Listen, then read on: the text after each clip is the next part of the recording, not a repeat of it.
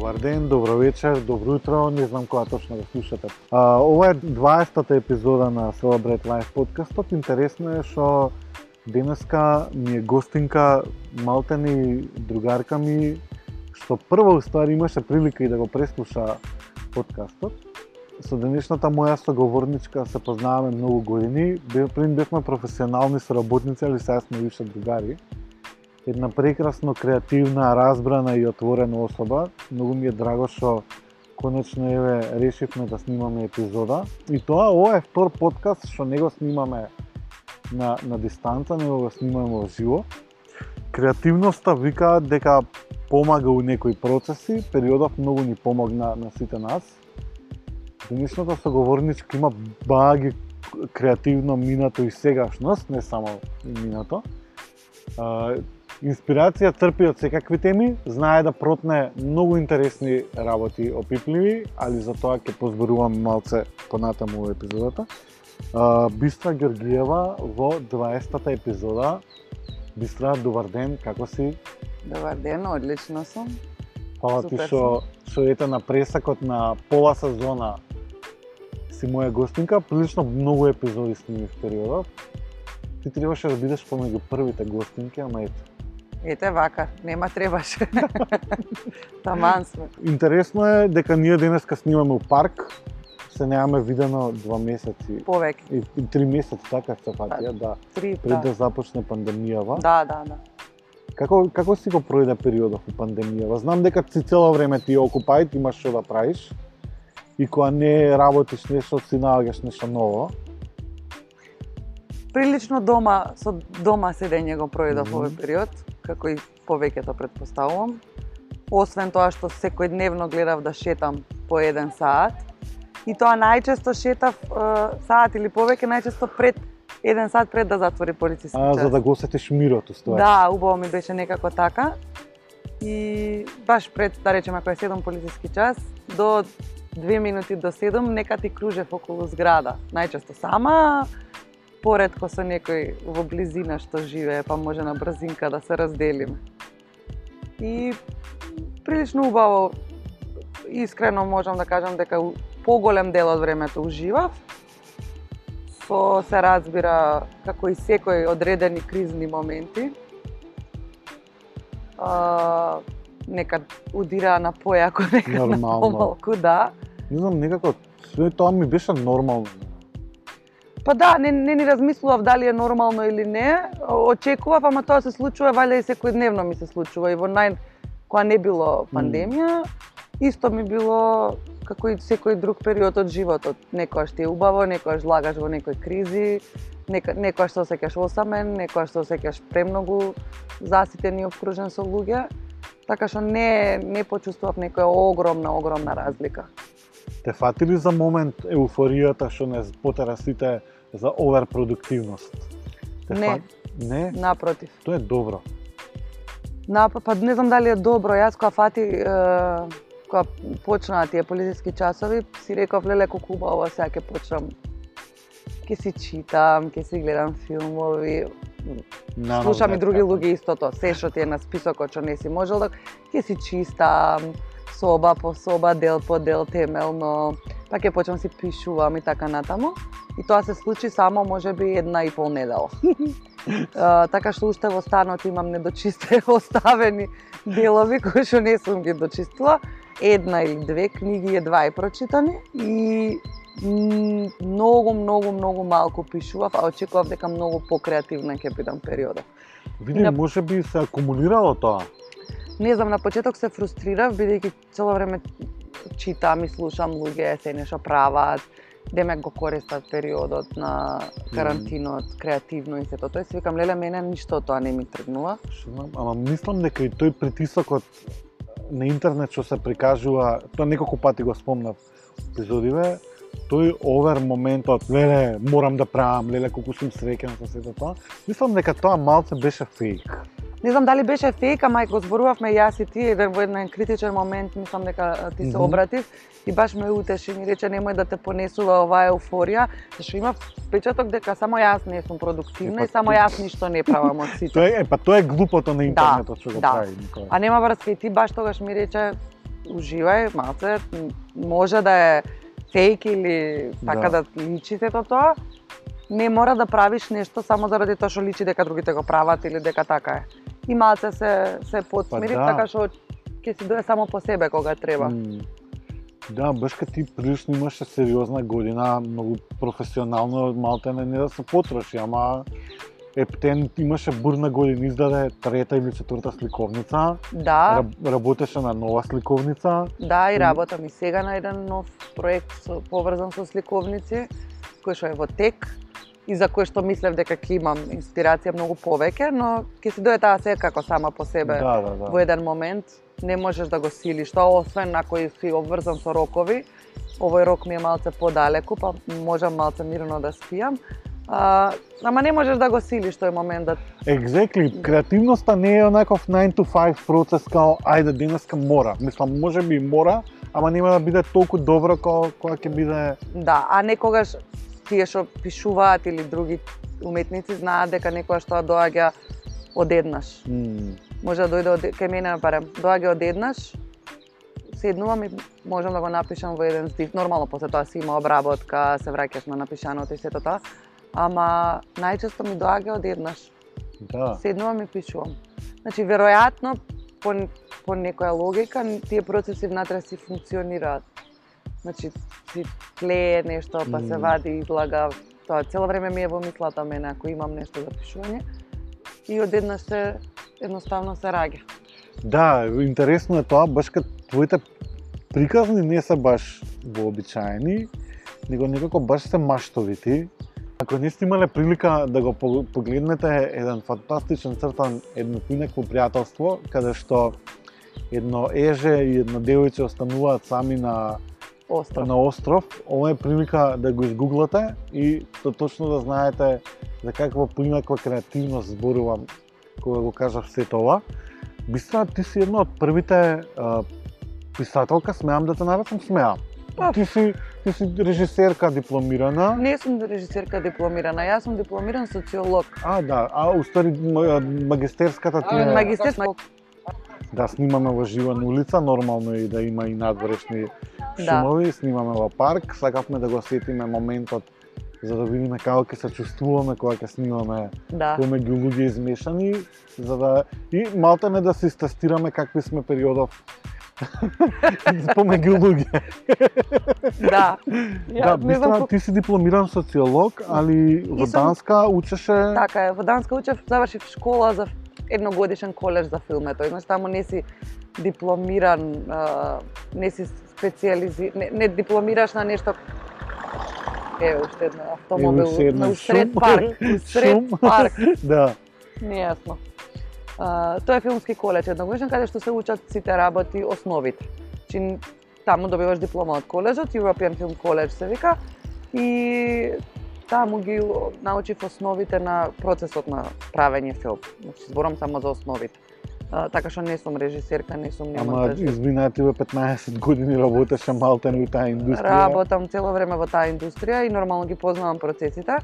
Uh, иако сама не сум ниту режирала, ниту измон... сам се тоа го познавам основите, но не сум не сум режисер. А, мислам дека професионалноста доаѓа онака кога ќе се изработиш изминатите години и само кога ќе си го видиш прогресот у што своје проекти си работел, така да за тој те прашав дали режисерка, пошто знам колку проекти имаш сработено, дури со мене си работела баги проекти имаме Да, работено. И за тоа ми беше а, тоа да го начнам муабетот. Знам дека си многу скромна и никогаш ни да кажеш нешто Не, не се работи за скромност, некогаш, да, вака се ако зборувам, може би звучи скромно, не, не се работи за скромност, туку кога си размислувам што се сум правела, да, сум правела разни работи, кои што се врзани и со режија, сум и со директно со се разбира со монтажа, надгледување на мон, процесот на монтажа, пишување сценарија и сето тоа. Си учествувала во филм, имаш работа на учествувала во филм. филм, сум работела како асистент на режија, на големи долгометражни филмови, на реклами, на серии и така натаму. И да, имам некоја така сериозен опус и сиви. Да, имам во таа во таа во таа сфера и цел цел цел живот до сега, еве колку го години, ше 15 и повеќе. Работното искуство ми е врзано сепак со продукција, со филм, да. филм и со сето тоа и сега моментално тоа што го работам. Тешка филмската работа или општо театарската или било која си треба години за да се пронедеш и што сакаш да работиш во таа индустрија. Се разбира. Се разбира. А, А и што е животот ако останеш на едно? се разбира, да, и, и по природа сум многу љубопитна и веројатно затоа сум сакала различни аспекти да односно различни сфери е така да ги допрам, да ги видам. И уште на мое големо непријатно изненадување, уште не сум сигурна каде се чувствувам најудобно. Без раз, веројатно и тоа цел живот ќе бидам таква, веројатно и си, сите луѓе кои што се љубопитни или кои што не се задоволуваат со едно нешто, М, цело време сакаат да истражуваат повеќе и да влегуваат во територии кои што не ги познаваат за да видат до кај може да одат. Totally agree. Да. Бешка будистите викаат дека ми, треба во животот да смениш минимум 20 работни места Не сум го знаела. за да знаеш каде треба. Да, така некако многу интересно тоа ќе ти го пратам да го читам. Па не сум, да, имам више пет од 2 5-6 работни Да, места. така да Значи имам уште знам, 15. нормално е, нормално е да се менуваат. Ја и исто од лично искуство можам да кажам дека менувањето на работни позиции, места и така како ти помага у целиот процес за да научиш што сакаш да работиш и што е тоа што ти исполнува. Еле да, и тоа е чудното што со ново работно место секогаш како да кажам и со стрес. Да, па еве јас лично така го доживам. Нов стрес имам, но на нов почеток. Секогаш почетокот ми е многу потежок. М, И потоа кога ќе го научам, кога ќе абсолвирам, че кога ќе влезам во во во суштината на таа работа што ја работам, можам лесно да се заситам. Да. Ако достигнам до одреден пик кој што јас би се, Мм. ете пик збор. А, еден пик кој што јас сум си го задала. да. И можам да се осетам заситено и да ми треба нешто повеќе. Сите креативни луѓе кои што сакаат да се менуваат и кои што имаат потреба, мислам дека прагаат низ исто. Веројатно Една да. другарка моја Ана, поздрав до незе, вика ако нема девелопмент и вика она пеперуткиња која се заљубен у стомак, вика тоа е процесот на девелопмент. Првите мачи, Да, па не знаеш што, па се 300 пати ќе се прашаш дали ова правилно или не, а уствари тоа онака само нивото на самокритичност ти го прави тој зб- збркотен момент, али после тоа кога ќе влезеш, значи има комплетен девелопмент. Е, баш е така. Поздрав за другарката и стварно е баш е така. Баш е тој развој, развој кај што се себе ни себе мачење поминуваш. да. Ама на пример сакам да дојдам во период од животот која нема која не мора да значи дека и во новото ќе се мачам. Не, не, не. Ти сакам Ама не, не е мачење. Ама има некоја доза на таков цел кај што Да. си под штрек или М. кај што целиот си што Дали- викаш пеперутки, дали правилно правам, па ново, па што е ова. Али може тоа да биде малце по мислам дека би требало со возраста малце по кул да биде човекот однос на тоа, значи секој ново искуство веќе да сватиш дека да, го поминуваш тоа, немој се па да паѓаш у несвес по стоти пат. Знаеш дека секој прво ти е на исти начин, да е малце созреј. Тоа некогаш се нервирам дека се осеќам во таа смисла дека не сум го надминала, тоа не сум го созреала. Ама убаво звучи бе вака. Не, не, убаво звучи сега. Знаеш, као некако секојаш имаш челендж. Имаш челендж, Ако точно. немаш челендж, Точно. Ама boring. челенџот не мора секој да биде пропратен со мачење. Тоа сакам да кажам. А кај мене е бога ми процес на длабоки падови, па кревања, па затоа што си прилично многу креативна и веројатно И ги гледаш од сите аспекти да, и таков е И веројатно обзир на- на све, да. да, да, да. Свестен. Ова го начнав како тема? Од, од и ото е една прекрасна приказна која што ги комуницира и различностите општеството и дека е окей да си различен и дека е сосема нормално да не сме сите исти. Ти си прилично супортив према луѓето и прилично ги охрабруваш. Мислам не ја само што сум го осетил врз себе, него и твојот начин на делување им помага на идните генерации и на луѓето да, да се прилагодат на некои малтене вон обштествени норми. Од кај дојде инспирацијата за ото ти ото? А, дали има онлайн Да, значи ото ото и ото е сликовница за деца. да, Докај- ама Ама да, да, таа е многу интересна, ја има само онлайн моментално. Таа беше наменета, беше дел од еден проект во времето кога работев во ОХО. Работевме заедно тој период или не? не, а, јас кога си отидов почнавте да ги работите Е. сликовниците. Да, тоа е на тема за различности, проектот беше таков и требаше да напишам нешто да речеме по на таа тема и сите принтани е, значи сите како се вика Сите сликовници. сите сликовници хард копи се служат за дидакти, се дидактички материјал по градинки и по школи, валјда прво одделение предпоставувам. И веќе се дистрибуира, значи не постои више и не, не беше намената да се продаваат. Така што ја има само онлайн, а, приказна за ото, ото и ото се вика, за три бувчиња кои што се исти и во еден момент им засадува да бидат исти. И така за да не ја раскажувам, може некоја која Али прекрасна приказна Да, и многу многу поучна. И јас многу ја сакам. Таа ми е првата сликовница така официјална. Многу интересно дека таа сликовница тие работеше со една многу интересна илустраторка од Шпанија или, Од или од Португалија. Моника Каретеро, да. И некако и сликовницата е многу поинаку нацртана, илустрацијата е многу поразлична од тоа што сме научени. Мене малтене денеска сите илустрации ми изгледаат исто на македонски пазар, ама тоа е мој став, нели нормално. Али илустрацијата на Моника е исто така прекрасна и на вистина визуелно ја доживуваме ептенувало, така да Таа е многу интересна приказна, сум ја кажала, ќе ја кажам само на кратко, чисто затоа што Мгм. мислам дека е убав пример како некои работи може да се случат. Тогаш во ОХО, значи е Пеце, кој што е директор на ОХО, ми рече да напишам сликовница на таа тема и прво одбивав. Добро, потоа седнав ја напишав. И а Моника Каретеро е една од најдобрите европски е, Илустраторки, да. значи да, со многу награди, многу е позната. само нака беше ројалити илустраторка, да. Точно, да. И јас ја имав лајкната на Facebook, си ја следев. Како и сите други што ја имаат лајкнато. И си реков, и дојде време да се илустрира приказната моја и викам, дали може да ја пишам на Моника, дали би сакала да ја илустрирам. И Тоа личеше тогаш како Science fiction, невозможна да. мисија, да.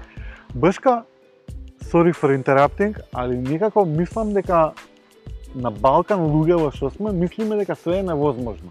Да, и затоа сакам, да, Да. затоа ми е многу интересна приказната, едносно бака се од дистанца си викам човече, туку е Зашто? Да. да, туку лесно испадна сето тоа. И Пете ми рече, бидејќи тој е главен на проектот и се Да. го води, пиши како сакаш, ама не надај се многу добро. И пишав ја, здраво, здраво, овде Бистра Георгиева, таму и таму. И ми одговори, да, би сакала, нормално, да отворените луѓето, би сакала да соработувам, супер се. И добро, дојдовме неколку мејлови се размеривме, на еден момент е, Финанси. финансиски. Нормално тој момент највише не плаши сите нас, иначе. И кога ми ја кажа она сумата за која што би работела, незината сума, таа беше, мислам дека 5 или 6 пати поголема. Од тоа. Big name е тоа, да. Точно.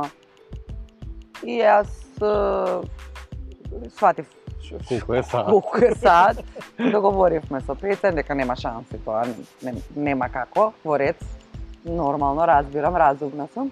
И пишав. И сега многу ми беше некако непријатно да ја пишам, да не ја навредам, да не испадне дека А не, се договоривме да ја пишам колку е нашиот буџет. А нашиот буџет е шест пати помалку од незиниот. И јас не сакам да ја пишам да испадне дека ја, како се вика, подценувам Да. работата. Бешка креативец и знаеш Да, што значи креативни работа. И пишав Моника, ти благодарам. Во некоја друга прилика ќе соработуваме, кај нас условите се поинакви, помал стандард, многу различни цени стануваат збори, така натаму.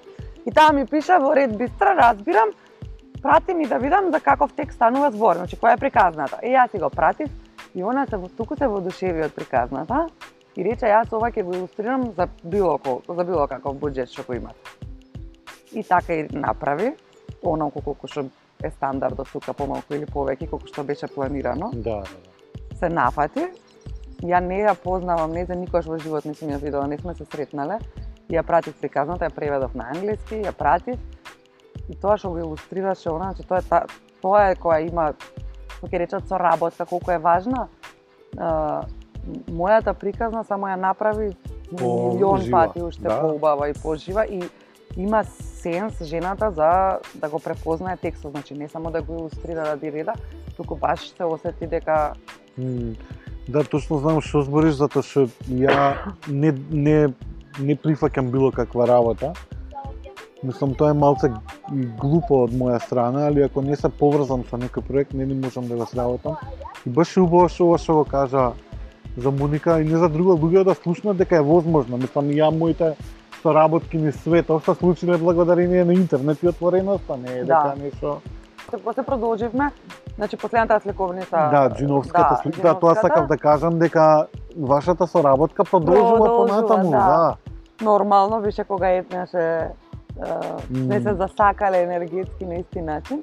Исто прифати се разбира да ја илустрира, така што нејзините илустрации дополнително сега ќе се издава во Шпанија на шпански и на каталонски јазик. Прекрасно, не знаев за ова, браво. Да. Таму еден издавач кој што не запознава, нормално се заинтересирал и ќе се издава целата многу. сликовница. Ама многу е убава и сликовницата е малце поинаков формат, поголем од стандардиве. Да, тоа е джинов, джиновски джиновска, формат. да. Да. Джиновски формат и супер е таа исто многу откачана сликовница. Многу. Како се зборам за своја, ама стварно е Не, не, интересна. многу убаво И изгледа. многу е илустрирана, илустрациите се врв. Бидејќи во сликовница се разбира приказната е важна, меѓутоа илустрациите ако не ја да. подкрепуваат приказната, приказна може да биде било каква. М. И затоа е важно дека ние сме си кликнале. Еве илустратор кажува Е, дека да. илустрациите се неверојатни. Да. А, би се од кај црпиш инспирацијата? Пошто прилично некако патуваш. Некако... Ај што наменски се трудиш да едуцираш, тоа не знам дали го правиш свесно или несвесно, или тоа ти е природна дарба, Мислам дека е природна природна дарба, Да. али некако патуваш цело време, истражуваш. Ем, Многу, многу интересни се приказниве твои за, за Јас сум, а, сум си размислувала тоа и тоа е веројатно влијание од мајка ми. Јас сум растена, мајка ми секоја вечер ни раскажуваше приказни мене и на брат ми додека бевме мали, до прекрасно. одредена возраст. Приказни, бидејќи мајка ми исто писателка. Исто писателка. Да. И пред спиење, вера скоро секоја вечер, нормално не секоја, ми раскажуваше приказни кои што таа ги измислуваше. Еј, шубаво. никогаш не беше тоа црвен капа или Мгм. бидејќи нормално таа исто има дарба и се измислуваше приказни. И те секогаш беа такви откачени, полни со фантазија. И предпоставувам и верувам дека се разбира валјда имам ја нешто внатре што си го носам, за да може да се да се храни тоа, меѓутоа од главно верувам дека е од незиното незиното раскажување приказни и затоа мислам дека е многу важно родителите да им пос... не, не треба да им измислуваат, не секој може да измислува, да им читаат, значи заедно со децата да го прават да прават тоа. нешто, да. Да, и така што од мала сум летала со фантазијата и моите приказни се врз основа на фантазија и јас самата мислам дека е многу важно човекот да знае да фантазира и како дете и како возрасен. Затоа си има и негативни работи, Бе нормално, затоа што та- тој што има фантазија може да фантазира и за многу грди работи. И апсолутно. луѓе после ми се чудат како може толку црни мисли да има. Мисли, ама тоа не е еднострано. Ти кога, фан... кога човек полн со фантазија, не е фантази... не, не фантазираш само убави работи М. за е, детски приказни, туку може да ти завега малце мозокот у некои гаднички работи. Ам, ама Ама тоа е Цената на да, тоа е цената на Така што не е секогаш лесно и сега особено овој период пак да се навратам на локдаунот. Ти забегува мозокот. Човек што е така малце, ти забегува мозокот. Ако можеш да пишуваш приказни за джинови кои што не знам што имаат, можеш и да си мислиш и многу други страшни работи. Да, да, да. Апсолутно, ама што знам, па тоа е некако природен процес. Па како би се направил уметност ако нема фантазија? Не знам за другите уметности. Нели, в принцип уметноста е одлика, ај што е на општество, ама и прилично е утописка. И верувам, да. Не знам. Прекажуваме една друга слика. Некако Да, не, да, да. не Интересно е во секој случај. Можеме да одгатнеме некој што работиш некој нов проект? Или не не би Не, нема да биде интересно сега тоа. Прерано е да се зборува. Океј, супер. Секако е за детски проект. Аха. Мислам секако е наменет за деца, има време, ќе си дојде. Има време, да. да. Како како ти изгледа светот после локдаунов? Ја некако исто фантазирам дека ќе стане подобро човештвото. Никако не мислам Дека ќе стане освестат. Не? Не. Јас мислам дека ќе се врати на истото, кога ќе се среди ова се разбира. Са може би нема да биде исто она што го што го зборуваме дека ќе бидеме повнимателни, повеќе хигиена, ќе водат луѓето, што е као окей, нормално, ако до сега не се водело хигиена, а знаеме дека не се. Срамота е да да го не се кажувам. лажеме, да. А, по таа смисла евентуално. Иначе мислам дека луѓето тоа што го зборат дека ова им од- одговараше сега, дека мата се смири светот, од она брзање, се тоа што ни наметнува капитализмот кој што живееме, цело време си запатен, си нешто правиш, па сваќаш, се сваќаш се од дистанца колку немало смисла тоа, колку други работи се поважни, Мм. некојаш сам со себе да бидеш и така натаму. А, се супер, е битно мислам дека да си сам со себе. Да. да. мислам дека ќе се врати се постаро и дека сега ова е песимист сум, не знам. Не, не, Никаква не, поука човештвото. Дискутабилно е што е песимизам искрено и реалност. Добро. Сакам да кажам, мислам дека никаква поука, ова што го спорат поука, општеството нема да извлече после ова. Не знам. Не не читам толку многу, не се бавам со тоа, ова вака нешто ситно што ќе прочитам, а мислам дека не. А, задниве недели покажуваат дека само утописки сме верувале во некаква промена. Не дискутирам колку се луѓето неодговорни и себични, тоа баш онака мислев дека после три месеци барем некоја емпатија уште поише ќе се разбуди. Не дека не се разбуди, имаме не, фантастични има тоа, примери, Секако, ама тоа али некако мислев дека обштествено ќе ќе се пробуди сето тоа, али Не мислам дека само период што така ни личи дека секој се врати. Зборам сега за овие земји како нашата, како за, западното општество. значи каде што Сигурно- ние, да. Да, сигурно ќе има индивидуалци кои што од ова ќе се дистанцираат и ќе си најдат нов начин на живење.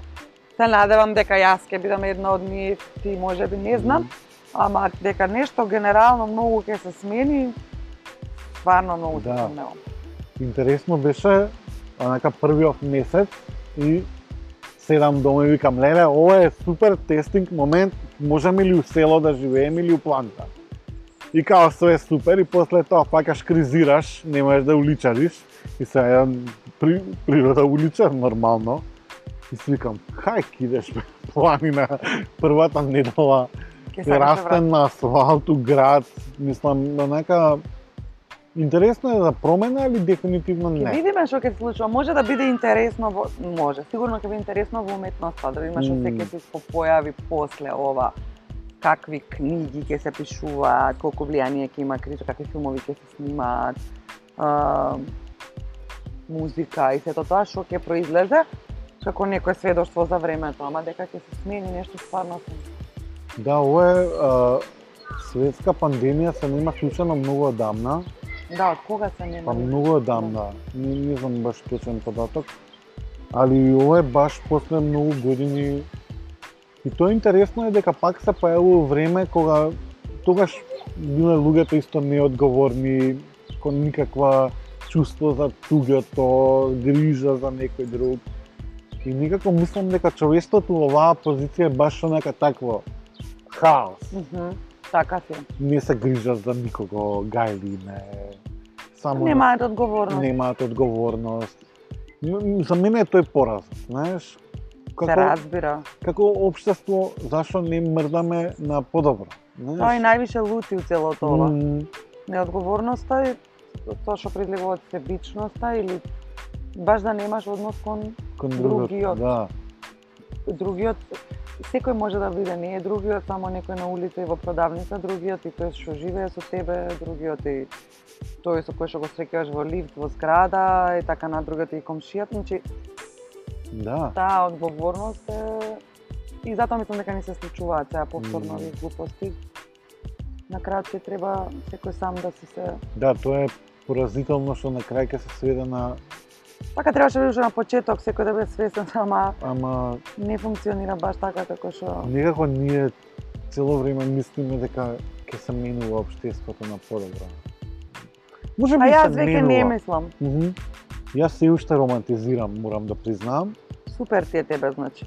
Ба не, не ми е супер, многу ми супер ти е... е што Не, романтизира. романтизирам, а и некако гледам и да цртам на таа тема што е можно по да биде освестувачко, а од аспект по човечко, по human. Знаеш, затоа што и не знам што е правилниот пристап. Дали директно, ако кажеме готово умирате луѓе, свесни ли сте? Мислам не дека не умираат, умираат луѓе, ама као не знам и што е правилниот начин.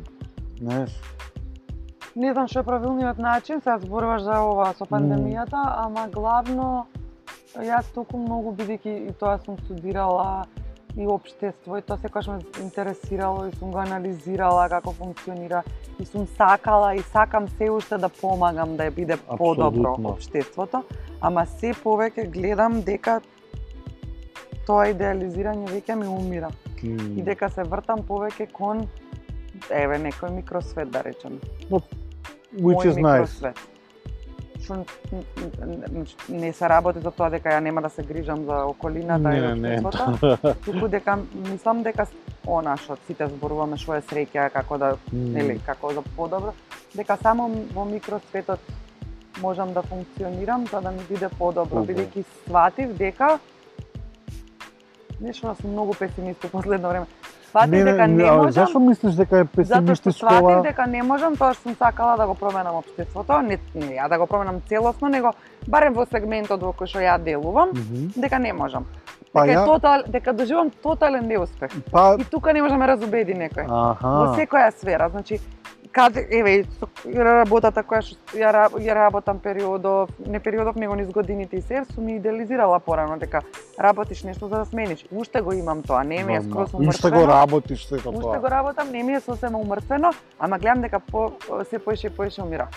И дека А, се вртам кон мојот микросвет. Абе, што знам, ја па мислам дека она искуство што го зборавме предходно, дека тоа не доведува до таа ситуација да знаеме до каде професионално можеме да отидеме, знаеш? Искуството ти ти овозможило за да го имаш овој став. Може би во оваа перспектива изгледа така, али ќе видиме што ќе ти биде следната сликовница, па ќе можеме да дискутираме. Се плашам што ќе ми биде. Не, не, не. ја не се мислам шалам. така, не мислам јас така. Може би деновиве сме стварно сите разочарани, па и ти од аспект на социологија го гледаш сето тоа. Можно е, испомешано ми е секако, ама не така песим, таа Не, смисла не, не, него дека ја не зборам за песимизам, готово умревме. Не, никако. Мислам, апсолутно него ни гледам тоа твоево излагање дека е такво. Никако, али мали некои чекорчиња за за за таа среќа да си ја постигне човек во животот. Мали поместувања треба да ме задов... би сакала да ме задоволуваат отколку големи, бидејќи од големите се разочарувам кога нема да успеам. Е тоа е. Тоа е супер. Тоа е Многу е, многу е здраво, мислам, човек да има да има такви размислувања. Затоа што знаеш, луѓето обично романтизираат, романтизираат до степен и после тоа има тотален брекдаун затоа што имено, имено. Значи не знам, еве најпроста работа, пиш се сликовница, пишам или било што еве работиш на филм и мислиш дека тој филм кој ќе излезе, тоа што го зборува филмот ќе го смени светот. Не нема да го смени. Ќе смени може кај двајца, тројца. што е успех. Што е успех, тоа сакам да кажам. Порано сум мислела дека треба да се да биде многу поголемо тоа, а сега доволно е Сам мислела, мајка ми сум го разговарала тоа и за незините книги, и за се некојаш нормално секој тоа си вика за што правам ја, за што творам, за кого творам. Прво прво си мислиш дека се веќе е напишано на светот, ти сега ќе пишуваш. Се е искомпонирано, ти сега ќе правиш музика. Се е нацртано, ти сега ќе земеш да црташ. Прво, значи си имаш фази во Да, животот да, да, тоа да. го мислиш. И баш затоа некои писатели што викаат кога пишуваат, воопшто не читаат други книги. Мгм. Знаеш, ќе се фрустрираш максимално, сум некад ќе... И јас сега истото си го мислам. Да. Да што правам јас, ќе видам милиарди, слик... ќе истражувам различни сликовници, илустрации, од порано, сега, топ 10, New York Times, вакви, онак. Добро бе бистра, шо, зашо ти шо ќе пишуваш? Ти све е веќе напишано. Ама не е баш Ама не е така, тоа добро, тоа се на крајот не е така, нема поента Мислам, тоа. види, не се ова 60 или 40 кај што све почнувало од почеток, не? Не, не, не е така, ама некојаш доаѓаш у таква фаза. Е, така е. Викаш безпредметно ова што го правам, за кого го правам, зошто го правам, на крајот испака дека го правиш нормално За себе. за себе, затоа што и имаш за- порив да го направиш и Exactly. потоа тој што ќе го допре, тој што ќе му влијае, бидејќи правам нешто за доброто на другите, тоа ми е Така секогаш натрешниот драйв, да. апсолутно. а, а, веќе има смисла. Така што сега некој родител кој ќе ми каже или било кој ја читаме сликовницата, тројца да ми кажат, Е, Ми супер, апсолутно. онака ми се разубавува денот и месецот и Поствари за тие мали победи живееме. Е па тоа сакам да кажам, Да. тоа кога реков микросвет на тоа повеќе мислам. Баш кај денеска, сега ја ќе бидам песимист, Ајде, ај малце да. луѓето се толку а, неотворени и нека да спознаат нешто ново да прочитаат, да слушнаат или се останато, толку се заглавени само у тоа што се сервира и тоа толку многу ме фрустрира мене цел живот. Да, сигурно. Мислам и тоа е природна фрустрација. Сигурно. на толку многу музика, литература и се останато, толку се задоволуваат со малку и мене ми е тоа, на пример, највише нешто што ме нервира. Е, тоа нервира стварно. Како не нервира? Тоа може да фрустрира. Поготово да спекне креативец. Сигурно, сигурно. Оу, и те како, Сигурно. ама и здраво е да те нервира. Знаеш, Да, затоа што така секогаш имаш- потреба Така, да, Да- појачаш. да појачаш и да Да. работиш уште Да. можно што Да. поише. Така да а, Па тоа ја ш- зашто ти викам цело време, извини што прекинав, давај ми нова музика, Да. давај ми нова музика, пуштај ми, пуштај ми. Многу сум ти благодарен затоа што ме ме инектираш, ми даваш инекции, речи си секојдневно со работи за кои што јас, еве, пошто не знам кај ми на кој начин, не ги наоѓам, ама си имам луѓе кои што да. Кои што ми да ме бустаат со Па затоа е многу е битен тој микросветот наш. се разбирам, се Ке разбирам. се вратиме на приказната колку Да, е битен Да, микросветот. апсолутно, апсолутно. Знаеш, уоставом на крај на денот, и ние треба да сме задоволни од тоа. Да, Знаеш, не и некојаш и нити ни битна толку критиката. Мислам, битна е критика, ама некојаш е побитно тоа што ти го сакаш, ти да го почувствуваш. Се И тоа што ти го каже дека имаш нарив, нарив да го направиш тоа, тоа е многу побитно. Да, и кога си, јас, на пример, како сум задоволна од тоа што сум го сработела, а, не, не секогаш ми треба некој да ми рече супер. е». Браво, да. Браво би секогаш супер да ми рече, ама не не треба да ми даде потврда. Мислам дека точно секој знае дали нешто го сработел или го направил добро. Значи, креативни луѓе и како ќе го разберат тоа многу добро. Да. Ама, што знам, ама тоа е моментот каде што нормално е бе да не ти се свига никогаш нешто. Леле, нормално е се разбира. Као, мислам, знаеш, Не да не се свига, ти се гади. да, тоа ма тоа е како сосем природен процес. Апсолутно. Како ќе се менуваш на наредниот век, Апсолутно, апсолутно. нели? Многу пати ми се гади од нешто што го правам самата. Мислам, Креативниот процес е нешто што не запира, дури кога ништо не правиме, ја мислам дека тој постои, затоа што секогаш функционира оној ресерч. Сама кажа дека слушаш многу различна музика периодов. Можеме ли нешто да издвоиме што ти остави сериозен впечаток периодов или пак се деси, музички? да, или оверлоуд ти се деси некако? Overload ми се деси, ми се деси со NTS радиото. Не, фантастично. Зашто сум да. ти благодарна. Значи само преку преку тебе го открив, ти ми го открив. Ама тоа е нашиот пак ќе кажам микросвет. Да? што- да. Туку се возбудив. Да, NTS колку прекрасно радио е. да, значи јас не бев свесна, многу ми е откачено, зашто не не сум човек што на тој начин така слуша музика. Значи не морам секој ден да слушам музика. Апсолутно. Има луѓе нели што бе- без Што тоа не можат да така живеат. да.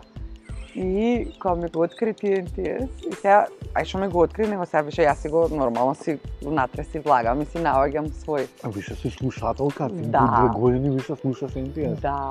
И не, не можам да одвојам, некој не ги ни памтам, некој ги и обично некој кој ќе откријам па после ги слушам по 100.000 пат. Нормално. Да, на репит. Нормално. Сега е последно, е сега како се викаше, не ми текнува, саботната а, емисија, тоа ти што го зборевме саботата, да. Да. Не ми текнува како се вика, таа емисија од 10 е вајда. Хаос ми беше, За многу викенд, да. да, Многу да. ми беше јако. ама не можам да одвојам вака. И не цело време со тебе зборувам, еве ти ако можеш да ми помогнеш. А, Па- Цело време зборувам со тебе, нели? Добро, добро бе. Како може волку да е добра Не музика? само тоа, него каква му, ја зашо ми се свиѓа оваа му- Ме е интересно тоа. Значи тоа многу пати сум сигурна. Зошто нешто ми е убаво? Зошто јас сакам таква музика? Зошто некој друг сака друга? Зошто некој сака е, е, таква таков тип на стил, е, зборам за облекување, 80s или 90s? Зошто е, некој сака такви филмови? Значи од кај ми е создаден вкусот? И цело време кога нешто ми се свига и ти на крај секогаш извлекуваш дека јас сум сакала, не знам, mm. 80s електронска со не знам што, не знам како. Секојаш ти се менува. Ми се менува, ама не ми е, ама секогаш у некој има не, некој заеднички именител, не знам. Али многу ме јако, NTS е многу хаос. Ефтин е добро Интес радио, ве препорачуваме на сите што не го слушнале nts.live. Ке ни се заблагодарите друг пат. А, бистра, а некоја полка да им препорачаме на слушателиве? Мислам, некам да звучи ова као не знам шо, ама што би им препорачала на луѓето денеска? Фактот е дека човештвото е тотално изгубено. Што можеме да им кажеме на луѓето? Ау, многу ми е тешко. Тешко е, да. Тешко ми. Тешко ми е, не, Дали да се слушаат себе си прво, па се останато? не мора да значи, не знам. Не мора да значи. Не. Мислам, веројатно да, секако прво да се слушаш себе си, ама дека тоа би го препорачала вака прво што ми паѓа на памет. Не е важно, а ова ми е многу, ова многу како увид овој период. Комуникација. Аха. Значи комуникација со луѓето Кога мислам на комуникација, мислам на комуникација здрава. Значи, да го слушнеш тој другиот што ти зборува, значи кога, кога веќе комуницираш со некој. Го слушаш, си му си отворен, тука си, присутен, тој те слуша тебе, тоа е за мене вистинска комуникација, пошто многу сватив во последно време нема нема вистинска комуникација, значи не е комуникација само ја ти што ќе се шлаеме сега низ парки, ќе си Да, чатаме. Ако јас па, пола од времето сум на мобилен и не те пратам што збориш. Значи некоја че кратка, квалитетна комуникација меѓу луѓето многу значајно е за да се разберат луѓето. Значи за да за да има она што го зборувавме предходно, емпатија, да има сочувство, да не си себичен, треба да го слушнеш другиот што ти зборува. Во буквална, значи да го да слушаш што ти зборува и така ќе сватиш како се чувствува и што му е. Тоа може да биде и една минута у месецот, зборам за блиските луѓе, не за секој да го слушаш што ќе ти пројде. Али со блиските луѓе мислам дека многу многу многу е важно таа таа комуникација да биде точна и да се затвараат исто така наречени затворени комуникации, да не се остава а, а, недореченост, затоа што такви конфликтите избиваат од тоа после. Значи многу несрекно се чувствуваме ако не искомуницираме, ако не ја затвориме некоја комуникација со луѓето заедничка. М. Значи ако нешто си ме најпросто си ме налутил или било што. Тоа се комуницира на некаков начин за да ја затвориме да го затвориме тој чаптер. Не знам сега малце у друга многу тема убаво, влегов. многу не, не многу убаво Ама тоа ми е од секогаш многу е важно. Затоа што приметувам од најблиските луѓе во мојата околина, од сите тоа го примет, еве, кој сака нека си се сврти у околината, ќе примети дека не знам, ќе одам дома кај моите на ручек, пола време сум на мобилен, ја не комуницирам со нив, ја не им кажувам Да, што чувствувам, како што е, како да. сум го поминала денот или што ми е важно, што ме тишти, што ме радува.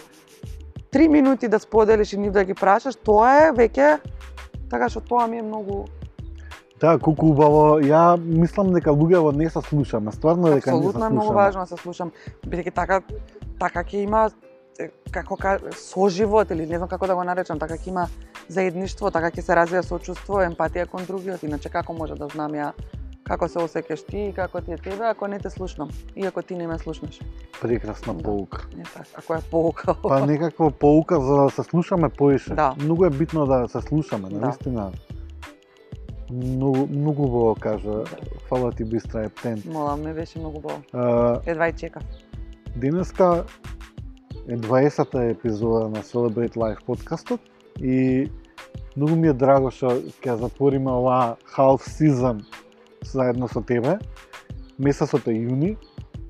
Се надевам дека ќе, ќе се движиме само во добра насока.